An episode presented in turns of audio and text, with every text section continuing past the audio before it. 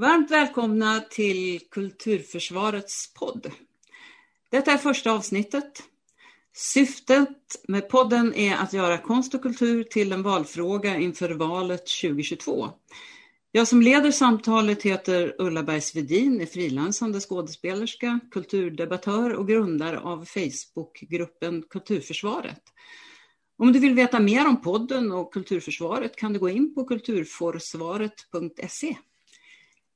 Min första gäst är Gunnar Bjursell, professor emeritus i molekylärbiologi och koordinator för kulturella hjärnan på Karolinska institutet. Varmt välkommen Gunnar! Tack så mycket! Vem är Gunnar Bjursell och vad är kulturella hjärnan för de som inte känner till verksamheten? Ja, eh, har vi några timmar på oss bara för den frågan? eh, nej, Gunnar Bjursell är i grund och botten molekylärmedicinare. Jag har jobbat med cancer, bröstcancer, jag har jobbat med hjärt-kärlsjukdom. Jag tillhör den första generationen som har arbetat med eh, att klona mänskliga gener och försöka reda ut sambandet som finns mellan arv och miljö. Mycket arv och mycket miljö? Eh, sen har jag sedan barnsben haft ett eh, intresse för kultur. Så det enda ämne där jag under hela min skolgång hade stora A i, tror jag, det var teckning. Så självklart så eh, var min ambition att bli målare. Jag skulle in på Konstakademin och efter lite ja, Eh, irran omkring i landet där jag eh, har bott på olika ställen så eh, landade jag i Stockholm i unga år och där så byggde jag upp ett stort intresse och kompisar och så vidare inom området kultur.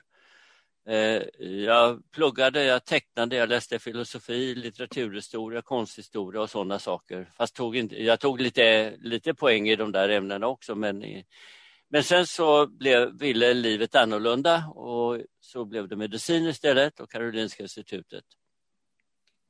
Men det här är viktigt att tala om därför att, eh, att när jag sen går i pension, som jag eh, har gjort, och innan dess så hände en sak som kom att förändra den sista delen av mitt professionella liv och det var en musikfestival i Virserum i Småland där jag träffade en av mina gamla kompisar, Gunilla von Bar.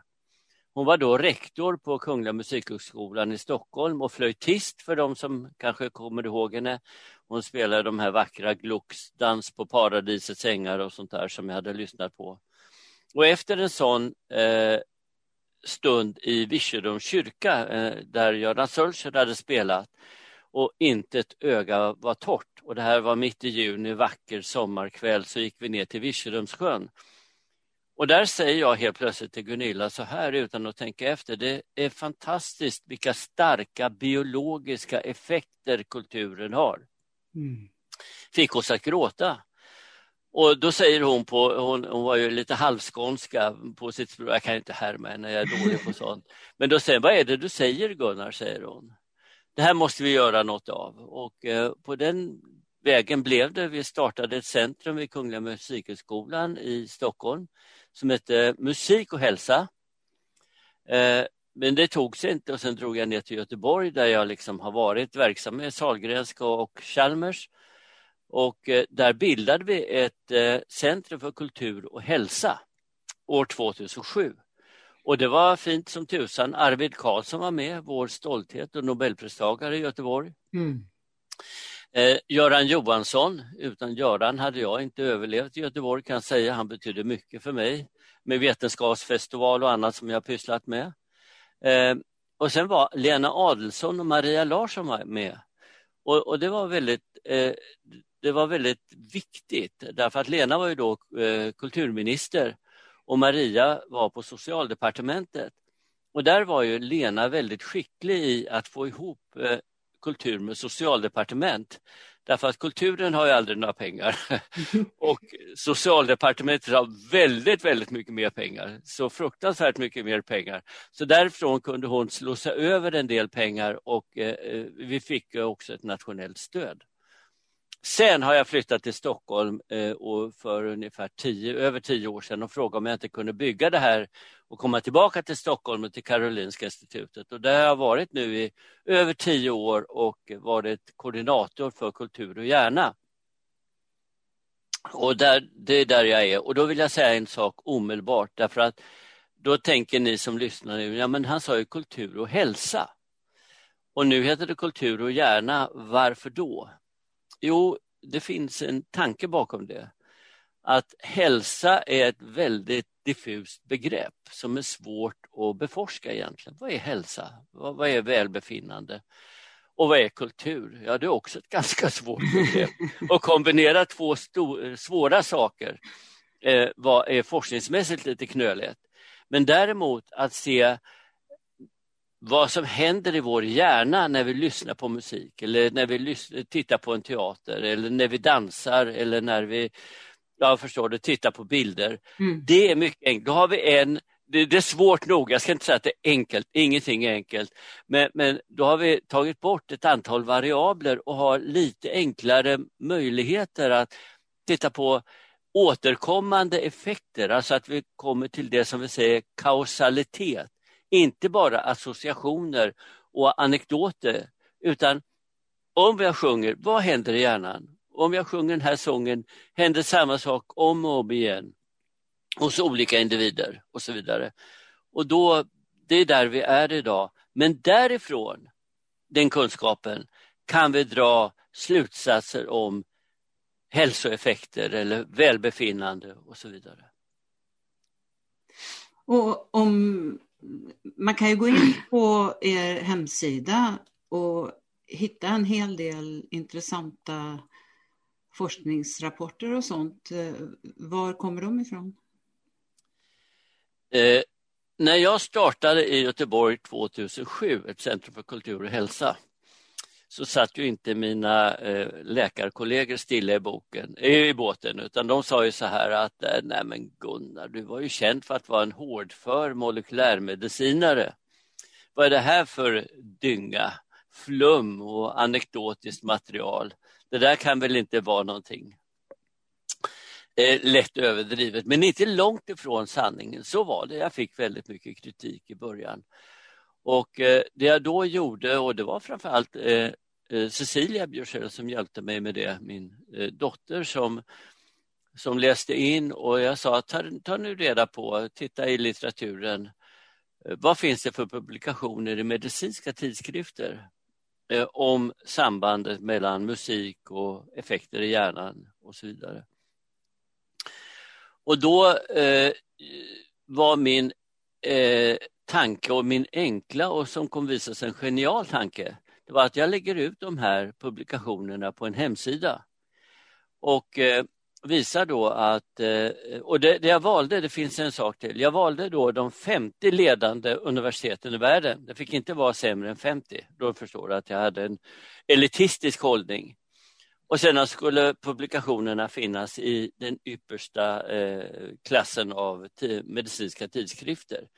Och det, det, var ju lite, lite försåtligt därför att mina läkarkompisar i Göteborg tillhörde inte eh, de 50 ledande universiteten och eh, hade oftast inte publicerat den här typen av tidskrifter. Så att då tystnade ju den typen av kritik väldigt snabbt när man såg att eh, ja, men jobbar man på Stanford eller Harvard eller ja, University College i London med sådana här frågor och gör den här typen av forskning, ja, då kan den ju inte betraktas som eh, anekdotisk. Mm. Så att den här, det här har varit ett eh, förtroendeskapande instrument för hela verksamheten och det kan jag säga till alla som tänker sådana här tankar. Gå in på vår hemsida, titta där och ofta hittar man då några bra publikationer som stöttar en i ens argument, argumentation mot politiker och mot beslutsfattare och så vidare. Och jag hoppas vi kommer in på de frågorna för det är det, är det som är liksom syftet med alltihopa. Ja. Varför anser du då att det är viktigt att föra in konst och kultur i debatten inför valet 2022? Ja, det är väldigt enkelt egentligen. Det är så här att när Darwin fyllde 150 år, hans bok som kom ut, Origin of Species, den som förändrade världen och sa att vi kom från aporna som du kommer ihåg. Eh, då skriver den fina tidskriften Nature så här att om man ska förstå människans evolution så måste man också förstå inflytandet av kultur. Det vill säga vi har gått ur den darwinistiska evolutionen och det ser vi nu i covidens spår. Att hade, hade vi varit darwinistisk evolution så hade vi låtit de som har smittats eh, dö förstås. Att de inte, att vi, the survival of the fittest. De som inte är känsliga, det är klart de ska dö bort på något sätt och sen ska bara de starka och de som klarar av sådana här infektioner, de ska överleva och sprida sina gener vidare. Mm. Men så har vi ju inte resonerat och eh, jag tror att det är väldigt viktigt för läkarvetenskapen att kliva fram och säga att vi tar hand om alla människor och vi ska hjälpa alla människor så gott det går med sjukvård och med vaccinationer för att även de som inte klarar av den här eh, infektionen att de ska överleva och leva vidare. Så att den här mångfalden som vi ser att vi inte har den darwinistiska evolutionen, det beror ju på att vi har tillägnat oss en, en eh, kulturell verksamhet. Det är kulturen som driver på vår evolution och vår mångfald.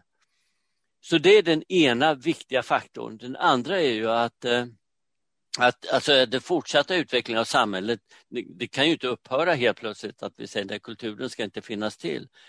Eh, eh, nu, för nu har, nu har den gjort sitt, utan den måste finnas med i all typ av utveckling och samhällsutveckling. Men en av de viktiga sakerna där man får fundera på och som vi kanske kommer in på lite senare med, med kulturens effekter på hjärnan, det är, det är den prosociala förmågan eh, som finns i kulturen. När vi dansar tillsammans, när vi sjunger tillsammans, när vi har gemensamma berättelser tillsammans på on, alltså gott, eller, ja, gott och ont. Vad är mm. godhet och vad är ondska och sådana saker så kan alla de här sinnena de utvecklas genom ett kulturellt engagemang. Det, det, det, kulturen är en så stark del i skapandet av ett vettigt och fungerande uh, samhälle och som skapar välbefinnande. Så kulturen är inte underhållning, banal underhållning om jag säger så, hur jag nu ska uttrycka mig, utan det är verkligen det är sockerkakan. Det, det, och sen så smetar vi på grädde och hallon och jordgubbar. Verkligen, surdegsbrödet. Ja, det kan man ta. Jag, gillar, jag har en surdeg hemma. Ja. En gammal egyptisk eh, surdeg. Oh ja, det är kultur. Det är kultur. Ni, eh, Eh, kulturella hjärnan och det ni sysslar med, det är ju ett projekt som redan har väckt internationellt intresse eller hur? Ja, man kan säga så här att, att när vi tog detta initiativ så eh, framförallt på Karolinska institutet så sa jag så här att vi ska publicera Eh, det som de fina forskningsgrupperna har gjort och de framgångsrika forskarna har gjort och de finns framförallt i Storbritannien, Kanada, USA, eh, ja, Tyskland och så vidare. Och, och eh, men samtidigt så ska vi bjuda in de här ledande forskarna till Karolinska institutet. Så har vi haft ett omfattande program och det finns redovisat på vår hemsida också. Där vi har bjudit in och fått eh, fantastiska storheter att komma och det har varit eh, eh, något som har genererat stor lycka hos mig också personligen att få introducera de här forskarna. Eh, och de alla uttalar så väldigt att det här är väldigt viktigt, att det är ett bra projekt och att detta med den kulturella hjärnan, eller kultur och hjärnan, är ju, ligger ju nu i framkant. Inte enbart för det som vi har talat om hittills utan också för att förstå sådana saker som vad är kreativitet? Mm. Vad är motivation? Alltså den typen av frågor. Vad är empati? Och vad är kognition? Alltså kan det här påverka oss på något sätt i vårt lärande? Eh, och så vidare. Så att, att när det har väckt den här, så man, man, tycker, man, man applåderar ju vårt initiativ. Och jag hoppas att det då vi kan tala om det, att det här kan verkligen utvecklas till att bli en väldigt stark internationell nod så att vi ingår i ett internationellt nätverk. För det är det vi måste göra. Bäst i Sverige och sånt där, det, det struntar jag fullständigt i. Utan vi ska vara en del i, i den internationella starka utvecklingen av det här området. Ni har väl samarbete också med Kungliga Tekniska Högskolan? Ja, vi har, eh, vi har samarbeten i, i Stockholm både med eh, Musikhögskolan och med Tekniska högskolan, Stockholms universitet. Så att, eh, men också väldigt fint utbyte har vi med museer har vi och, och så vidare. Så att vi har ett fantastiskt fint nätverk lokalt i Stockholm och, och internationellt. Så det, jag kommunicerar varje dag med mina kompisar runt om i världen och eh, det, det känns väldigt, väldigt tryggt att ha det på det sättet. Så att, eh, men men, men det, det viktiga är ju att, att, om jag får säga här, att eh, det, ja, jag får uttrycka mig lite, lite tufft och säga att det är, det är inte viktigt för oss att, liksom gå, att, att vi bygger det i Stockholm, om du mm. förstår vad jag menar. Mm. Det finns bra aktiviteter i Uppsala, Umeå, Göteborg och Malmö. Jag menar att det här är ett nationellt projekt för vår regering att ta tag i. Eh, det ska vara nationellt starkt därför att det är så mångfacetterat. Det är så många aspekter som man kan studera och som man kan utveckla. Så att, eh, att det får inte stanna som något Stockholmsprojekt utan ett nationellt projekt integrerat i den internationella miljön. Ja, det, det, det låter ju rimligt. Och, och kanske även andra samhälls, eh, samhällsinstitutioner kunde vara involverade, eller? Absolut. Absolut. Vilka skulle vara intressanta att blanda in i, i ert arbete från övriga samhällen? Ja, alltså när, när man i det, det, Storbritanniens parlament mm har gjort en ganska stor omfattande utvärdering av det här området. Och de var tuffa nog att kalla det kulturens eh, roll i välbefinnande, ungefär så, och kulturens betydelse från vaggan till graven. Mm. Och det, det, är ett perspektiv som man måste fundera på och det kan vi tala om. Vad betyder kulturen för det nyfödda barnet, till och med barnet i livmodern. En sex månaders foster kan ju lära sig en melodislinga, mm. Blinka lilla stjärna, som den känner igen när den kommer ut. Alltså den hjärnan tar till sig musik. Därför att musik är ett av de två huvudkommunikationssätten, musik och tal. Och som, det kan vi tala om också att det är någonting som man känner igen jättesnabbt och som barnen känner igen. Så det betyder mycket för barn, barnsjukvården, det betyder mycket i skolan. Vi måste ha skolan med oss och jag kommer att säga att det viktigaste vi gör just nu i vårt samhälle det är att, att fokusera på barn upp till puberteten. Det är då förmågor eh, lärs och där man skulpterar hjärnan som vi brukar säga lite tufft, därför att man får hjärnans arkitektur. Man får inte glömma den perioden, den perioden är jätteviktig. Den andra delen, det, och då är skolan med förstås. Den andra är ju förstås eh, i vuxenlivet så är det ju, är det, ju det som eh, har drabbat oss väldigt hårt, det är ju den mentala ohälsan som finns i samhället. Och den mentala ohälsan menar jag sitter i huvudet mm. och är eh, skapad av politiker, om jag ska vara riktigt tuff. Det är en samhällsskapad problematik som vi har, alltså vi har ett samhälle som, som genererar en del av den här typen av problematik i och med att saker och ting ökar i samhället och, som kostar samhället. Det finns en stor tysk undersökning för 10-15 år sedan som jag har re redovisat flera gånger där den mentala ohälsan kostar mer än all annan sjukvård sammantaget. Mm. Därför att den drabbar unga människor och, och människor i arbetsför ålder. Här måste vi sätta in jättemycket mer förebyggande. Hur kan vi undvika att man hamnar i mental ohälsa? Sen blir vi äldre och äldre och vi ska vara friskare och friskare tycker jag. Och här, här är en attityd som vi måste diskutera. Alltså gamla är en resurs. Mm. Det är många som är 80-åringar och friska och klara i kroppen och kan bidra. Och de ska stimuleras att bidra förstås. Men det ska inte vara ett krav. Är man sjuk och dålig och trött så ska man självklart få, få, uh, få den hjälp man behöver uh, så för att, att uh, klara av sin situation. Men, men man ska se så att då kommer det in i det förebyggande arbetet som äldre och då, då förstår du vilka institutioner man tänker på som mm. måste ta till sig detta. Absolut. Jag, jag, tänker på den här engelska studien som du talade om mm. och som finns på er hemsida. Eh, jag tycker det är intressant det som du har berättat för mig tidigare om eh, uppkomsten av den, vem, vem som beställde den och så, så berättade du också om bakgrundskunskapen som gör att man överhuvudtaget talar om det här just i både England och USA. Vad är det för erfarenheter man har? Mm. Kan du inte berätta lite om det?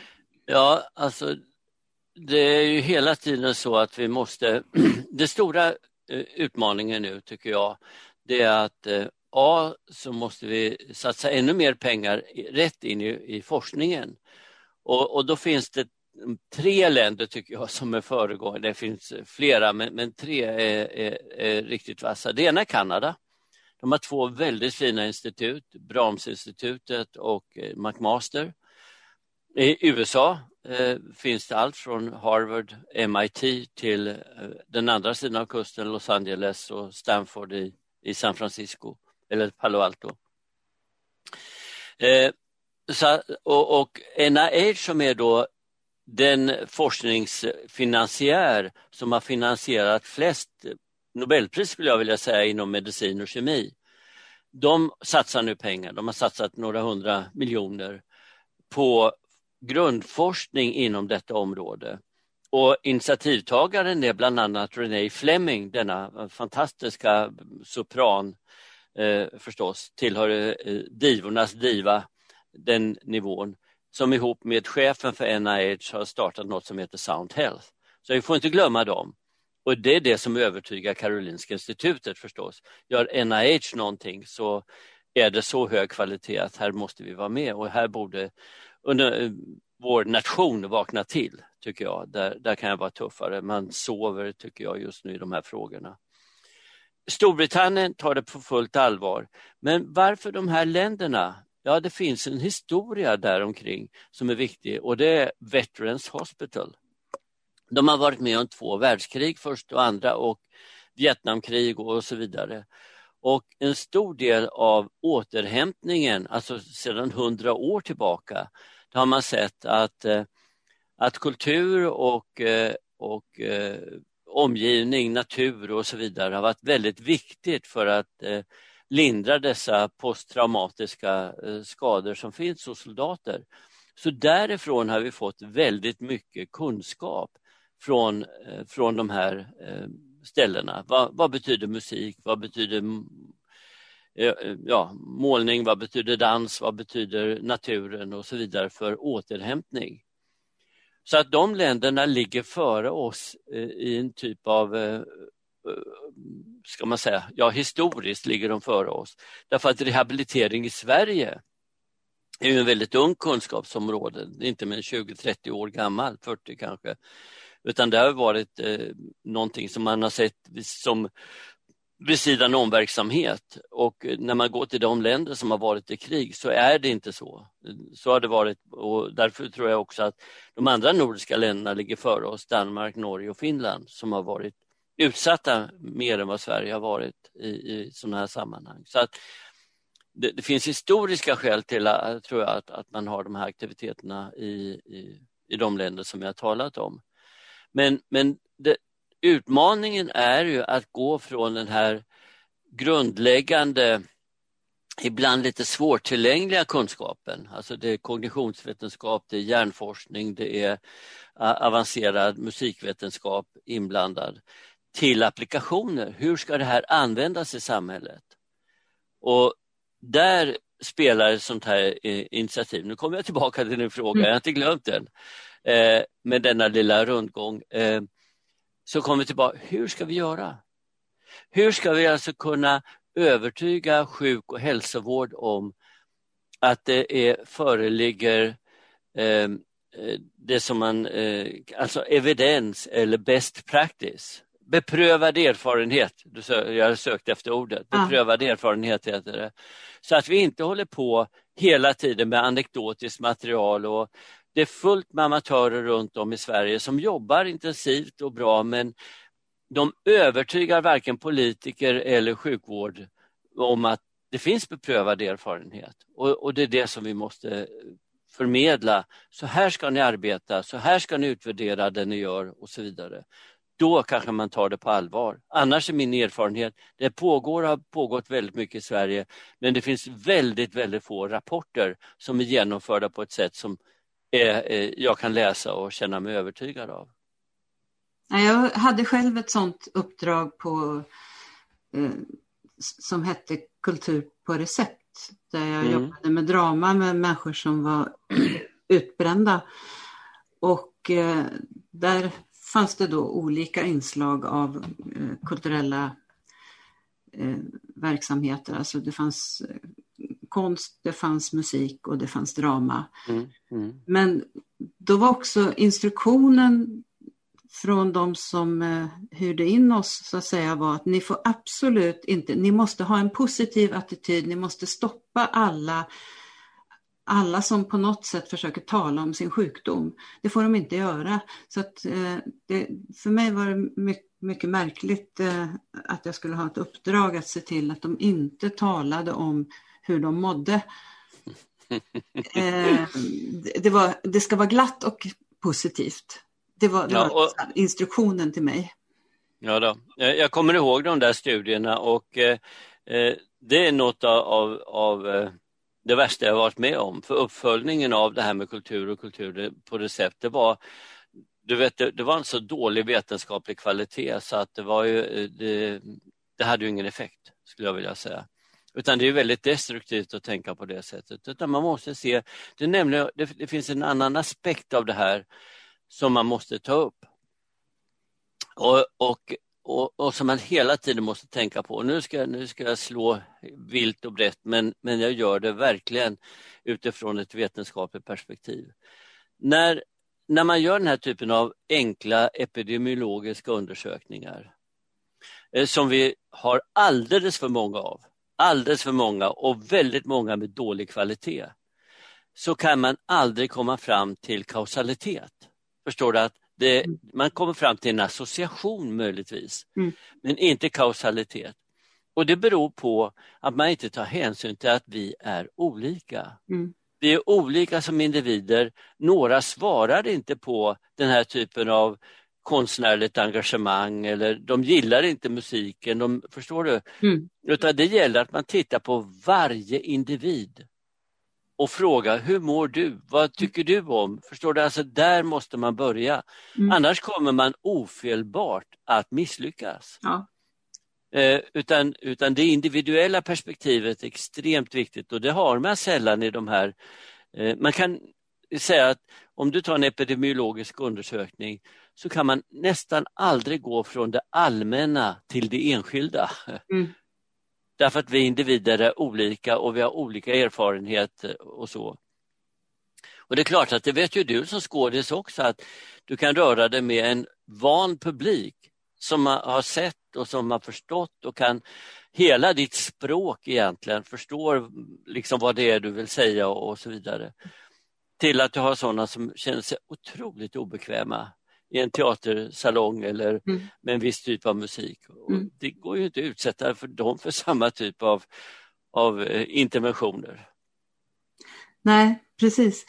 Jag, jag hade en, eh, en fråga här eh, när det gällde då den här kunskapen som då uppenbarligen finns om behandling av människor som har trauman från att ha varit ute i krig på statens uppdrag så att säga.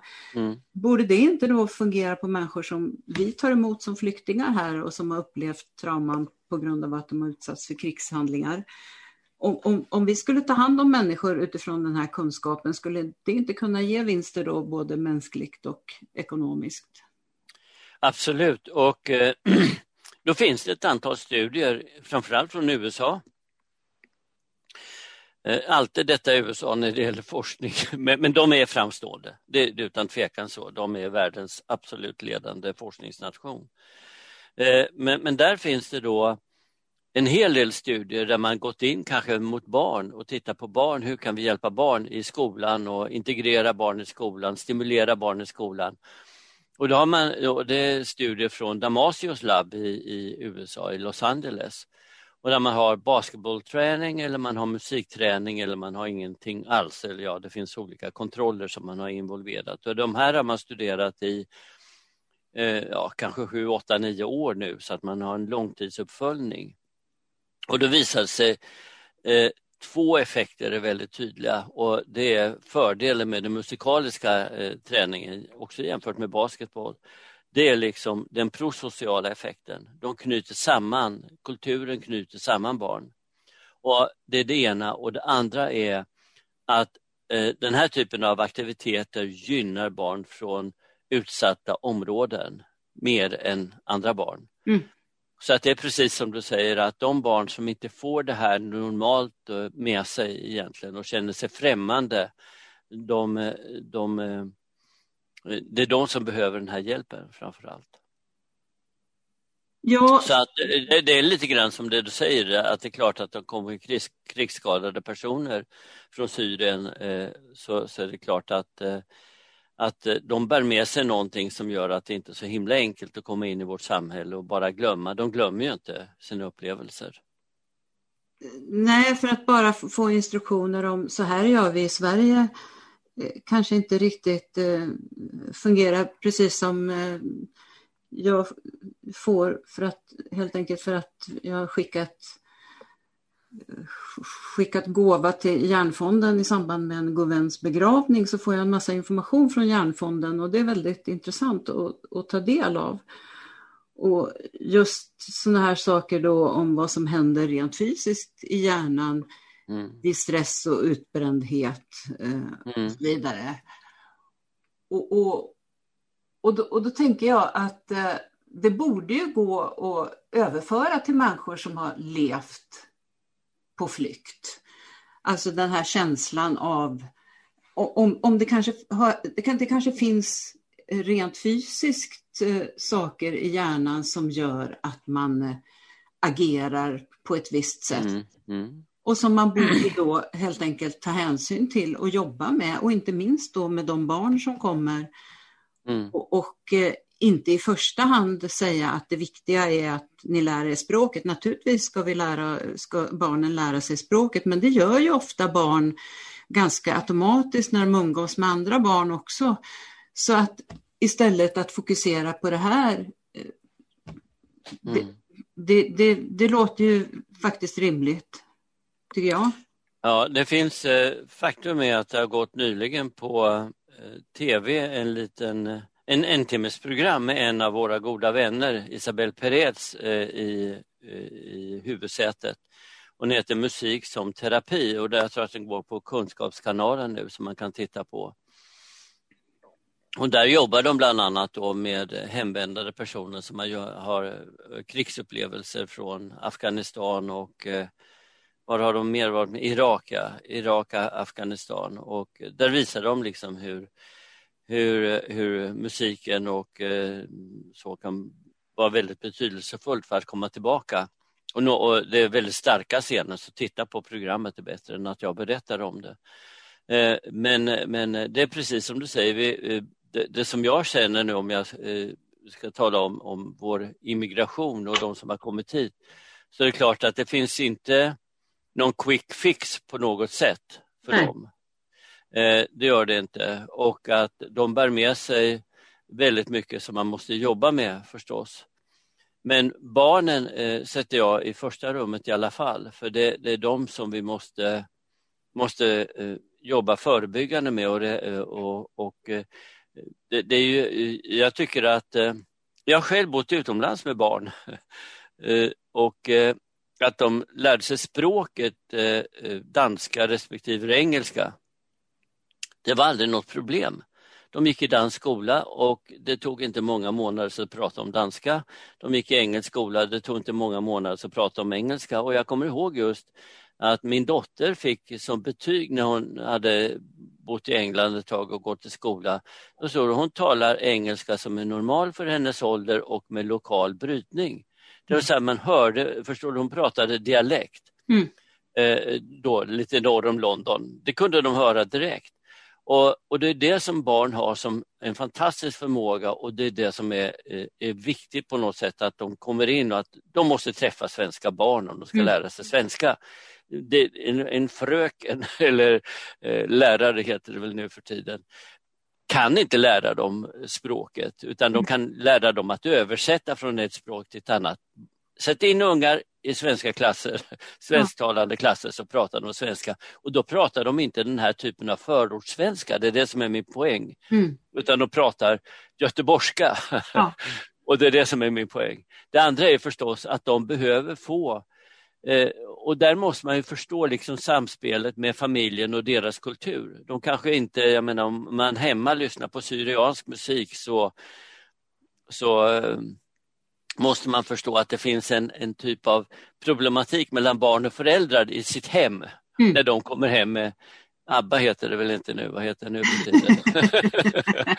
det heter något annat nu för tiden.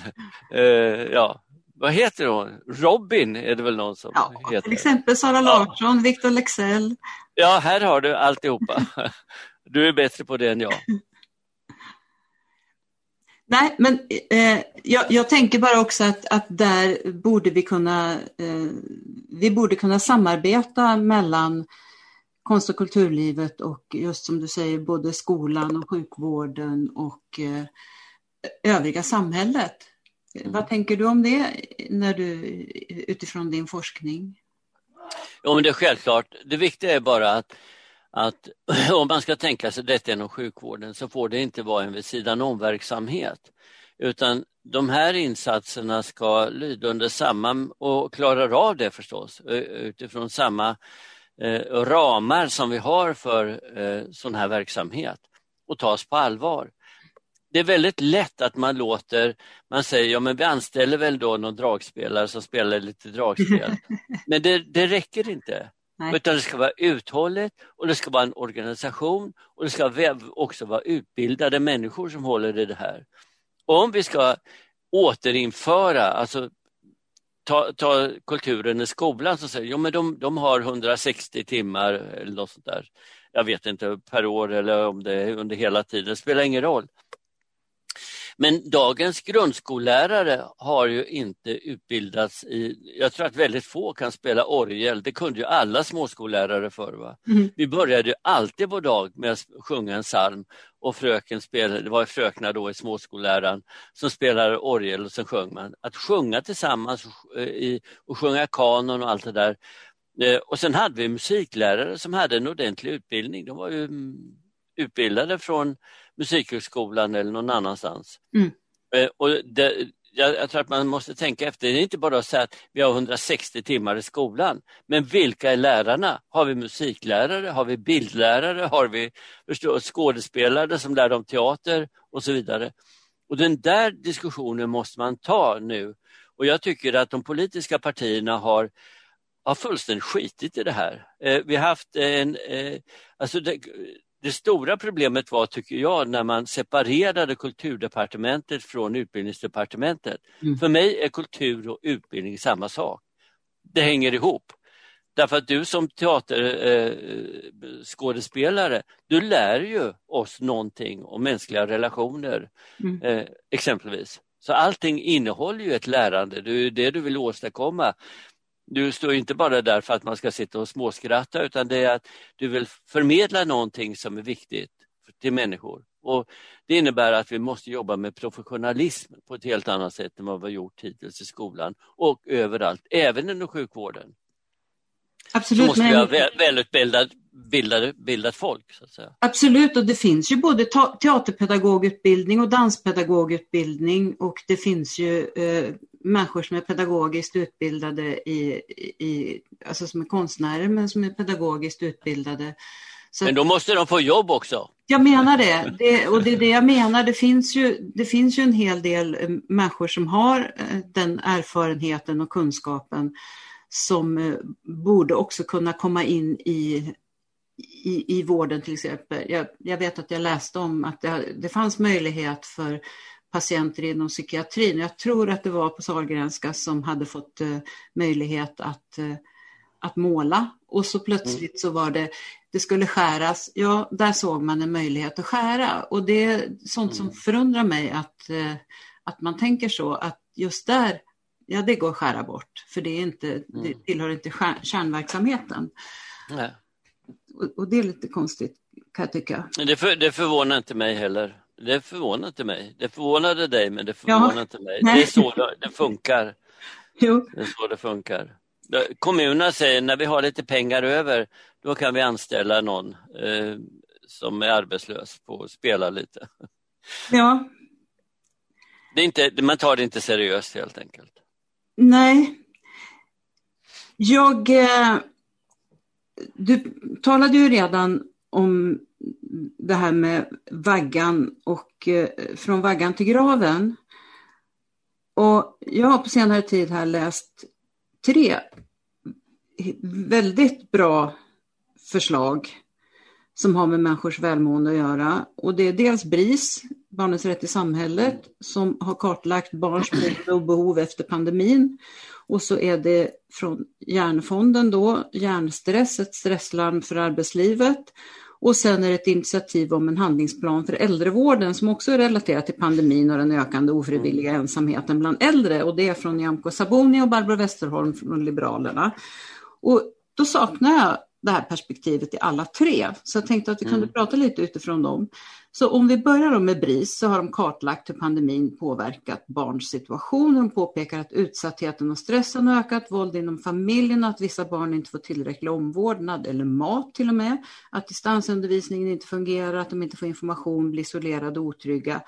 Och då bifogar man mänskliga rättigheterna för barn, alltså barnkonventionen som ju blev svensk lag 2020. Och där är det faktiskt så att de två punkterna poängteras att minoritetsgrupper har rätt till sitt språk, sin kultur och sin religion, att barn har rätt till fritid, lek och vila och även rätt att delta i konstnärliga och kulturella aktiviteter. Och trots det så finns det ingenting med det som BRIS rekommenderar efter sina slutsatser som mm. i huvudsak fokuserar på barnens illamående. tycker jag är lite mm. mm. Mm. Och då tänker jag så här, är det inte väldigt märkligt att, att en organisation som BRIS eh, inte på något sätt eh, tar tillvara er och använder er som kunskapsbas för sitt arbete, både vad gäller skola, fritid och överhuvudtaget? Nej, det, det beror på okunnighet, det är okunskap. Alltså de handläggare som finns inom de här myndigheterna menar saknar ofta kunskaper. Och det, det innebär, eh, och det, det beror delvis på att man betraktar det här som en vid sidan om-verksamhet och det beror också på att mycket av den här kunskapen kommer publiceras i medicinsk litteratur. Och de läser inte medicinsk litteratur. De kan inte och de läser inte medicinsk litteratur. Och därför blir det då, de går in i samma gamla vanliga hjulspår. Och eh, jag har ibland, jag sitter ju som seniorrådgivare till Hjärnfonden, så tack så ja. mycket för att du stöttar oss. Och jag brukar alltid hävda, och det kan jag hävda med en fas, att det är för Hjärnfonden är det också viktigt att ta sig an det förebyggande arbetet. Därför att det är väldigt mycket så att det man fokuserar på eh, och jag ska inte kritisera Hjärnfonden, men, men, om det är Cancerfonden eller Hjärnfonden eller Alzheimerfonden så koncentrerar man, man sig på sjukdomarna i sig. Mm. Parkinson, Alzheimer, cancer. Men Cancerfonden har ibland nu gått ut i alla fall och sagt att vi inte ska röka. Det, det är ett förebyggande arbete som är lov. Jag har suttit i Cancerfonden också, jag har ja. verkligen suttit där. Ja. Men, men, men det är viktigt också att, man, att vi nu äntligen försöker ta till oss det förebyggande arbetet. Vad kan vi göra för att förebygga de här sjukdomarna? Vad kan vi göra för att öka välbefinnandet snarast än att det här perspektivet att, att det är så synd om alla och alla lider och så vidare. Vilket jag tror är fel faktiskt. Därför att om du, om du tänker på alla de här rapporterna som vi har så är det en försvinnande liten grupp som håller på och mördar och skjuter. Mm. Du är inte varenda invandrare som mördar och skjuter utan majoriteterna är, är ganska hyggligt folk och de har väl ambitioner och de, de vill väl också leva ett lyckligt liv och de vill inte skada andra. Men det, det är på något sätt har vi nu hamnat i en kultur där man i radio och tv hela tiden bara, bara talar om olyckor och eländen. Och inte om att, att det här, ofta är det en, en ganska försvinnande liten grupp som, som man måste arbeta hårt med. Och den gruppen är lätt att identifiera. Om du tar BRIS, gå till Brottsförebyggande rådet, jag har varit där och pratat mm. och, och lyssnat på dem. De säger att vi ser väldigt tidigt att de här i de här klasserna, de kommer ha en, en ganska tråkig framtid. Man kan se väldigt tidigt. Eh, eh, och då ser man en typ av, av eh, brottslighet som utvecklas över tid och man, man märker att de här dras in i fel kretsar, det här kommer att gå snett. Eh, och vad gör man då? På vilket sätt arbetar man förebyggande? Inget. Inget skulle jag vilja säga. Därför att politiker kan inte arbeta förebyggande. Varför? Det gynnar dem inte. De ska bli omvalda om fyra år och alla politiska partier de är måna om, om sina regler och sitt regelverk och de vet att de alla ska bli omvalda om fyra år. Och därför är det väldigt svårt att se, jag menar om du ska starta saker som är förebyggande inom vårt fält så får du ha tioårsperspektiv. Någonting sånt. Ja. Det är först då du ser effekter på det vi gör. Och det orkar man inte med. Och, och det här, jag har ju suttit också som vice ordförande RIFO, riksdagsledamöter och forskare. Jag har verkligen träffat eh, eh, politiker och eh, umgåtts och varit på resor med dem och så vidare och försökt föra in då eh, forskningsresultat in i politiken. Men det finns en problem mellan forskning och politik. Mm. Därför att det är inte alltid forskningen tar fram ett underlag som passar deras politiska övertygelser. är du med? Jo. Så att, att den här anpassningsförmågan eh, måste politiker ha och de måste lära sig att arbeta förebyggande. Och jag är inte förvånad att BRIS håller på att prata som de gör och, och det blir till slut nästan lite ointressant det de, det de, det de gör och säger. Precis som jag, jag ja, jag ska inte ta för mycket nu för då kan vi spåra ur och prata om helt andra saker. Men, men sam, samtalet mellan forskning och politik måste öka. Och eh, jag tänker alltid på en sak som har varit en grundläggande faktor egentligen i mitt, mitt liv. Och det var att jag väldigt tidigt kom att läsa Hermann Hesses Siddhartar. Har du läst den? Nej, det har jag inte. Nej, varsågod. Där har du ett väldigt, den är lättläst. Den är precis som det ska vara, en, en liten kort roman eller på några hundra sidor, inte mer. Ja. De talar om Buddhas, utvecklingen av buddhismen. Ja. Och där lägger han i munnen på Buddha någonting som har följt mig hela livet. En tänkande människa kan inte tillhöra en ism. Mm. Är du med? Ja. Och det har förföljt mig hela livet. Eh, och det beror på att, att ismerna sätter upp ramar mm. och du får inte tänka utanför den ramen. Mm. är du med på vad jag menar? Jo. Och det tycker jag är så fruktansvärt klokt sagt av Buddha egentligen. Att, eh, att är man tänkande så kommer man alltid att hamna utanför ramen. Men, och det är det, den processen som jag tror är otroligt viktigt att man, att man tar till sig, för annars så, så sitter politikerna inom sina låsta ramar. Men är det inte det som lite förenar forskningen och, och konsten och kulturen också? Ja att, visst, att vi, absolut. Vi undersöker och vrider och vänder och även förhåller oss fritt eh, eller för, förbehåller oss rätten att eh, ta reda på och kritisera Mm. Utan att, att, att, att, att hålla oss inom de här ramarna. Ja, Gustav den tredje var klok nog att tänka så. Det var därför han skapade eh, oavsättliga eh, ledamöter av Svenska Akademin. Mm. Därför att han sa ju att det måste finnas sanningssägare i ett samhälle. Mm. och det saknar jag idag. Idag ska alla vara, tycker jag, om det ska vara tuff, väldigt politiskt korrekta och, och eh, i våra medier så är man det. Och jag tror att konsten, kulturen och forskningen ska absolut inte hamna där utan måste kunna eh, säga att kejsaren är faktiskt naken. Ja.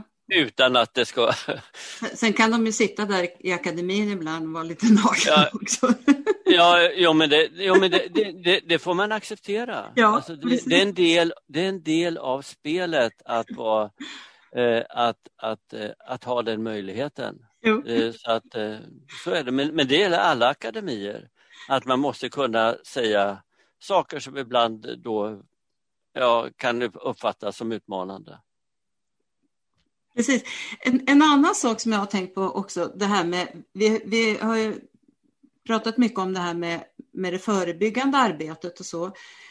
Min erfarenhet är att så snart det kommer till stånd något som är förebyggande, då är det, handlar det ofta om projektmedel. Mm. Det är entusiastiska människor som eh, får igenom någonting och får lite pengar för att genomföra projekt som väldigt ofta visar sig ha lyckade resultat. Mm. Och så läggs det här projektbeskrivningen och resultatet, eh, projektrapporten undan någonstans och så är man nöjd med att jo, men det där det blev bra och de gjorde vad de skulle för de där pengarna. Men det är ingen som tar ansvar för, för att det fortsätter och faktiskt implementeras i någon slags långsiktigt tänkande. Vad, vad, vad, vad, tänker du om det? Och det handlar ju väldigt mycket om just sådana här där, där kultur och eh, alltså, det vi vet från forskningen kan tänkas fungera och så gör man sådana här projekt. Va, vad tänker du om det? Varför, varför blir det ofta så? Nej, jag har ju varit runt med det här projektet. Jag har ju hållit på som du förstår i 15 år och jag tror att jag har varit runt i Sverige, Norden och också utanför Norden och talat om det här.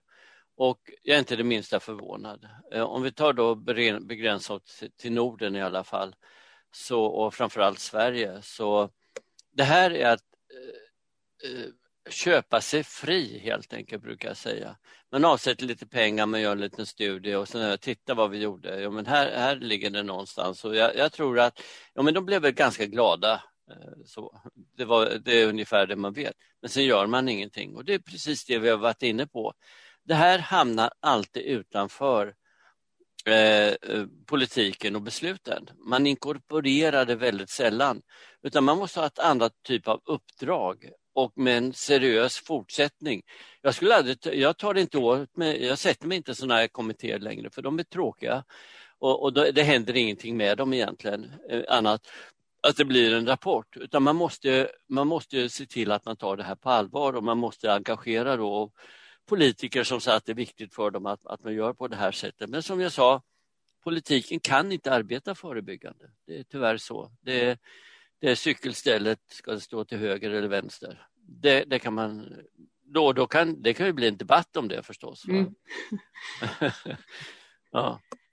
Men eh, jag känner, här känner jag att vi har eh, en, en, en eh, en fråga att, att, som är väldigt konkret att driva. Mm. Faktiskt, inför Absolut. valet. Mm. Att eh, de här frågorna måste ges en långsiktighet oavsett att vi har fyra års mandatperioder. Mm. Att det här, det här måste, de här frågorna måste ges en långsiktighet. Det tillhör de frågorna, för det finns ju andra politiska frågor där mm. man är medveten om att det måste ske på lång sikt och måste ske, mm. ske i samverkan. Mm. Och här har vi nu en konkret fråga som handlar om förebyggande arbete när det gäller mm. de här kunskaperna som ni har och kunskaper mm. som vi har inom konst och kultur och där vi kan samverka. Och det skulle vi kunna formulera som ett krav. För vi, jag tycker att vi ska kunna börja formulera krav här. Mm. Och, det finns som, som du förstår i början av det här projektet så hade jag väldigt mycket eh, av flera skäl. Jag satt i RIFO också så jag hade mycket och det fanns en riksdagsgrupp som arbetade med kultur och hälsa under, och den var tvärpolitisk så att eh, där kunde vi verkligen tala om det fritt och öppet, liksom de här frågorna. Eh, en riksdagsgruppering skulle vara väldigt eh, trevligt om man kunde starta igen som hanterar de här frågorna. Men sen är det två ministrar som har sagt och gjort saker som, som man får fundera över. Den ena är, är, är ju eh, det, det, ena är ju Lena, Lena Adelsson då, som tog hjälp av socialdepartementet därför att, att eh, kultur och kulturdepartementet har ju inte mycket egna pengar till den här mm. typen av verksamhet utan de finns någon annanstans. Så allianser mellan kulturdepartementet och socialdepartementet eller utbildningsdepartementet. Det andra är ju att, att jag tror att eh, att nu ska jag inte lägga ord i munnen på Bengt Göransson, men han, han, jag tror inte att han var lycklig över att man separerade utbildningsdepartementet till ett utbildningsdepartement och ett kulturdepartement. Därför att jag tycker personligen att kulturen hör hemma inom utbildningsdepartementet och att en del av, annars så blir det det här vid sidan om verksamheten, förstår mm. du? Att ja. kulturen har inte, den tas inte på allvar varken inom utbildning eller inom sjukvård. Och, och, antingen allianser eller så lägger man ner kulturdepartementet och lägger tillbaka det inom utbildningsdepartementet. Eller, jag förstår vad jag menar, att, mm. att, att vi måste på politisk nivå få en helt annan tyngd för de, de kulturella frågorna. Absolut. Vi ska ta och avrunda det här, men jag tänkte att du ändå skulle få tipsa alla som lyssnar om en dokumentär som du tipsade mig om, nämligen den som heter Klimt och Chile på SVT som ju visar på att det här med att forskare och eh, människor inom konst och kultur diskuterar och påverkar samhället absolut inte är något nytt. Nej. Eh, det här eh, händer ju i Wien kan man säga väldigt mycket vid eh, vid sekelskiftet. Och fokus är på två stycken eh, eh, målare som verkligen förnyar vår syn på måleri och så. Och det är ju Klimt och Chile. Men han sett, i det programmet sätter man dem verkligen, det är en italiensk produktion. Och då sätter, och, och då märker man att det är en italiensk produktion, för här betyder kulturen något. Absolut. Eh, förlåt, men det, det, var jag tvungen att få säga. Eh, och eh, då sätter han det i, sammanhang med, i samband med Freud. Med den medicinska utvecklingen som väldigt mycket uppstår, det tänker inte folk på idag. De tänker bara på en medicinsk utveckling efter andra världskriget och då är det USA och väst. Men alltså det centraleuropeiska eh, eh, insatserna för eh, över hundra år sedan, extremt viktiga för att, att, att ta medicinen på allvar, utveckla medicinska alltså synsätt och så vidare. Och det här sker i ett verkligen tätt samarbete helt enkelt som uppstår i Wien. Och alla säger att det var, var, man hade så dåliga bostäder hemma så alla samlades på kaféer, så kaféerna var ju grejen. Och där drack man kaffe och drack kakor och det, det, istället för att dricka sig full. Då, och, och, där uppstår väldigt mycket av, av, av detta i detta samma, sam, sammanhang. Och Det som händer är ju jätteintressant egentligen om man tänker efter. Eh, och, och det hänger hela tiden ihop med samverkan mellan, mellan, mellan kultur och forskning. Och det ena är ju att på musikens område eh, uppstår inte vin men det finns en som heter Arnold Schönberg det är han som eh, skapade den atonala musiken kan man säga. Och hans verk kommer, eh, ja, när är de? 2010 kanske, eller 1910, ja. 8, 9, 10. Eh, Igor Stravinsky påverkas ju av det här också, de här strömningarna. Och hans eh, Eldfågeln och Våroffen, de kommer ju strax efter. Picassos eh, eh, också insatser att att eh, måla dessa eh, Les Demoiselles d'Avignon 1907 tror jag det är. De, de har också med, alltså med kubismen att göra och det har med nyfikenhet eh, omkring eh, hur man re, liksom påverkas av atomläror och annat egentligen, alltså det naturvetenskapliga inflytandet. Så framförallt den här, det, det, stimulerar mig otroligt mycket att se den här filmen om Klimt och Chile. Men också att man tänker på det otroligt fina och spännande som händer just i sekelskiftet 1900 och en bit in på 1900-talet. Ja, det är verkligen en fantastiskt ja. inspirerande film. Ser, ja. Verkligen. Ja. Slutligen så skulle jag vilja fråga dig Gunnar, på vilket sätt och av vilka, det är ju ofta bara kulturpolitiker som, om de överhuvudtaget kommer till tals i debatten, får tala om konst och kultur. Men av vilka tycker du att konst och kulturpolitiken bör debatteras inför valet 2022 så att det som står i alla kulturplaner blir tydligt att konst och kultur är viktigt för både samhället och alla medborgare som vi har pratat väldigt mycket om här? Ja, det ska jag eh, en genomtänkt politik. In, inte bara den här slafsiga på något sätt att man tillsätter en liten utredning och sen så hamnar den i en byrålåda någonstans.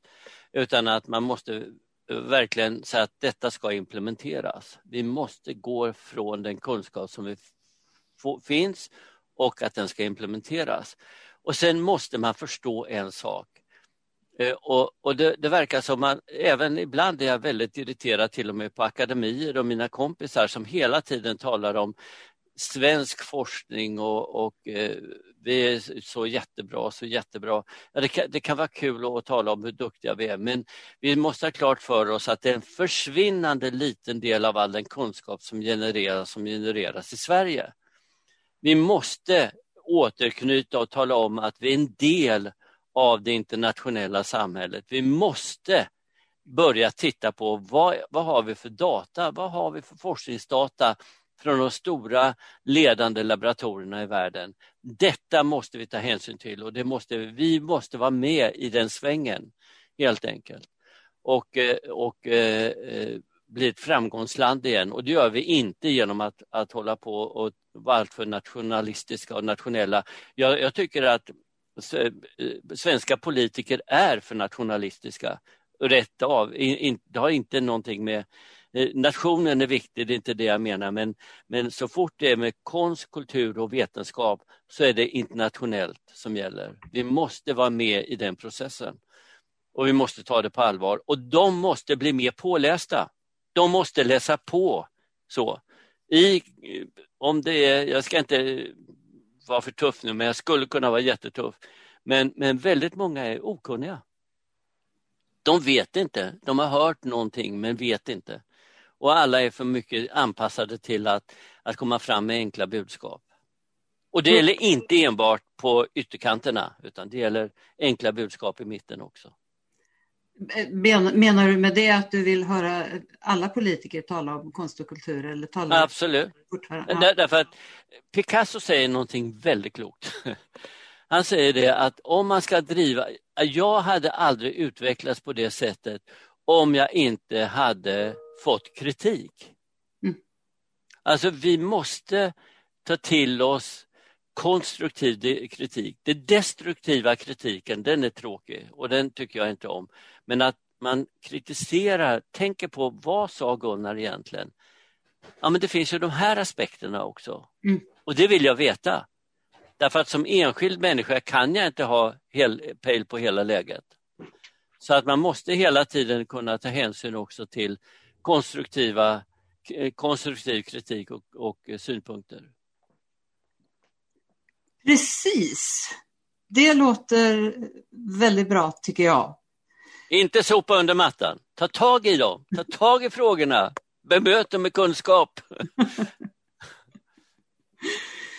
Stort tack Gunnar Brusell för att du ville medverka i vår podd. Och tack. Tack så mycket. Och tack för att ni lyssnade. Och den som vill veta mer om Kulturförsvaret, om kommande poddar, kan läsa på vår hemsida kulturforsvaret.se. Alla poddar kommer att ligga på hemsidan och där ligger också en podd där jag presenterar mig och bakgrunden till Kulturförsvaret och idén med den här serien av poddar. Om ni vill bli medlemmar i vår Facebookgrupp, gå in i gruppen Kulturförsvaret och ansök om medlemskap. Observera att ni måste godkänna våra regler för att bli antagna. Varmt välkomna! Gruppen är öppen för alla som är intresserade av konst och kultur och som tycker att det är viktigt att vi diskuterar konst och kultur och fri press och media på samma villkor som andra politikområden inför valet. Tack och på återhörande.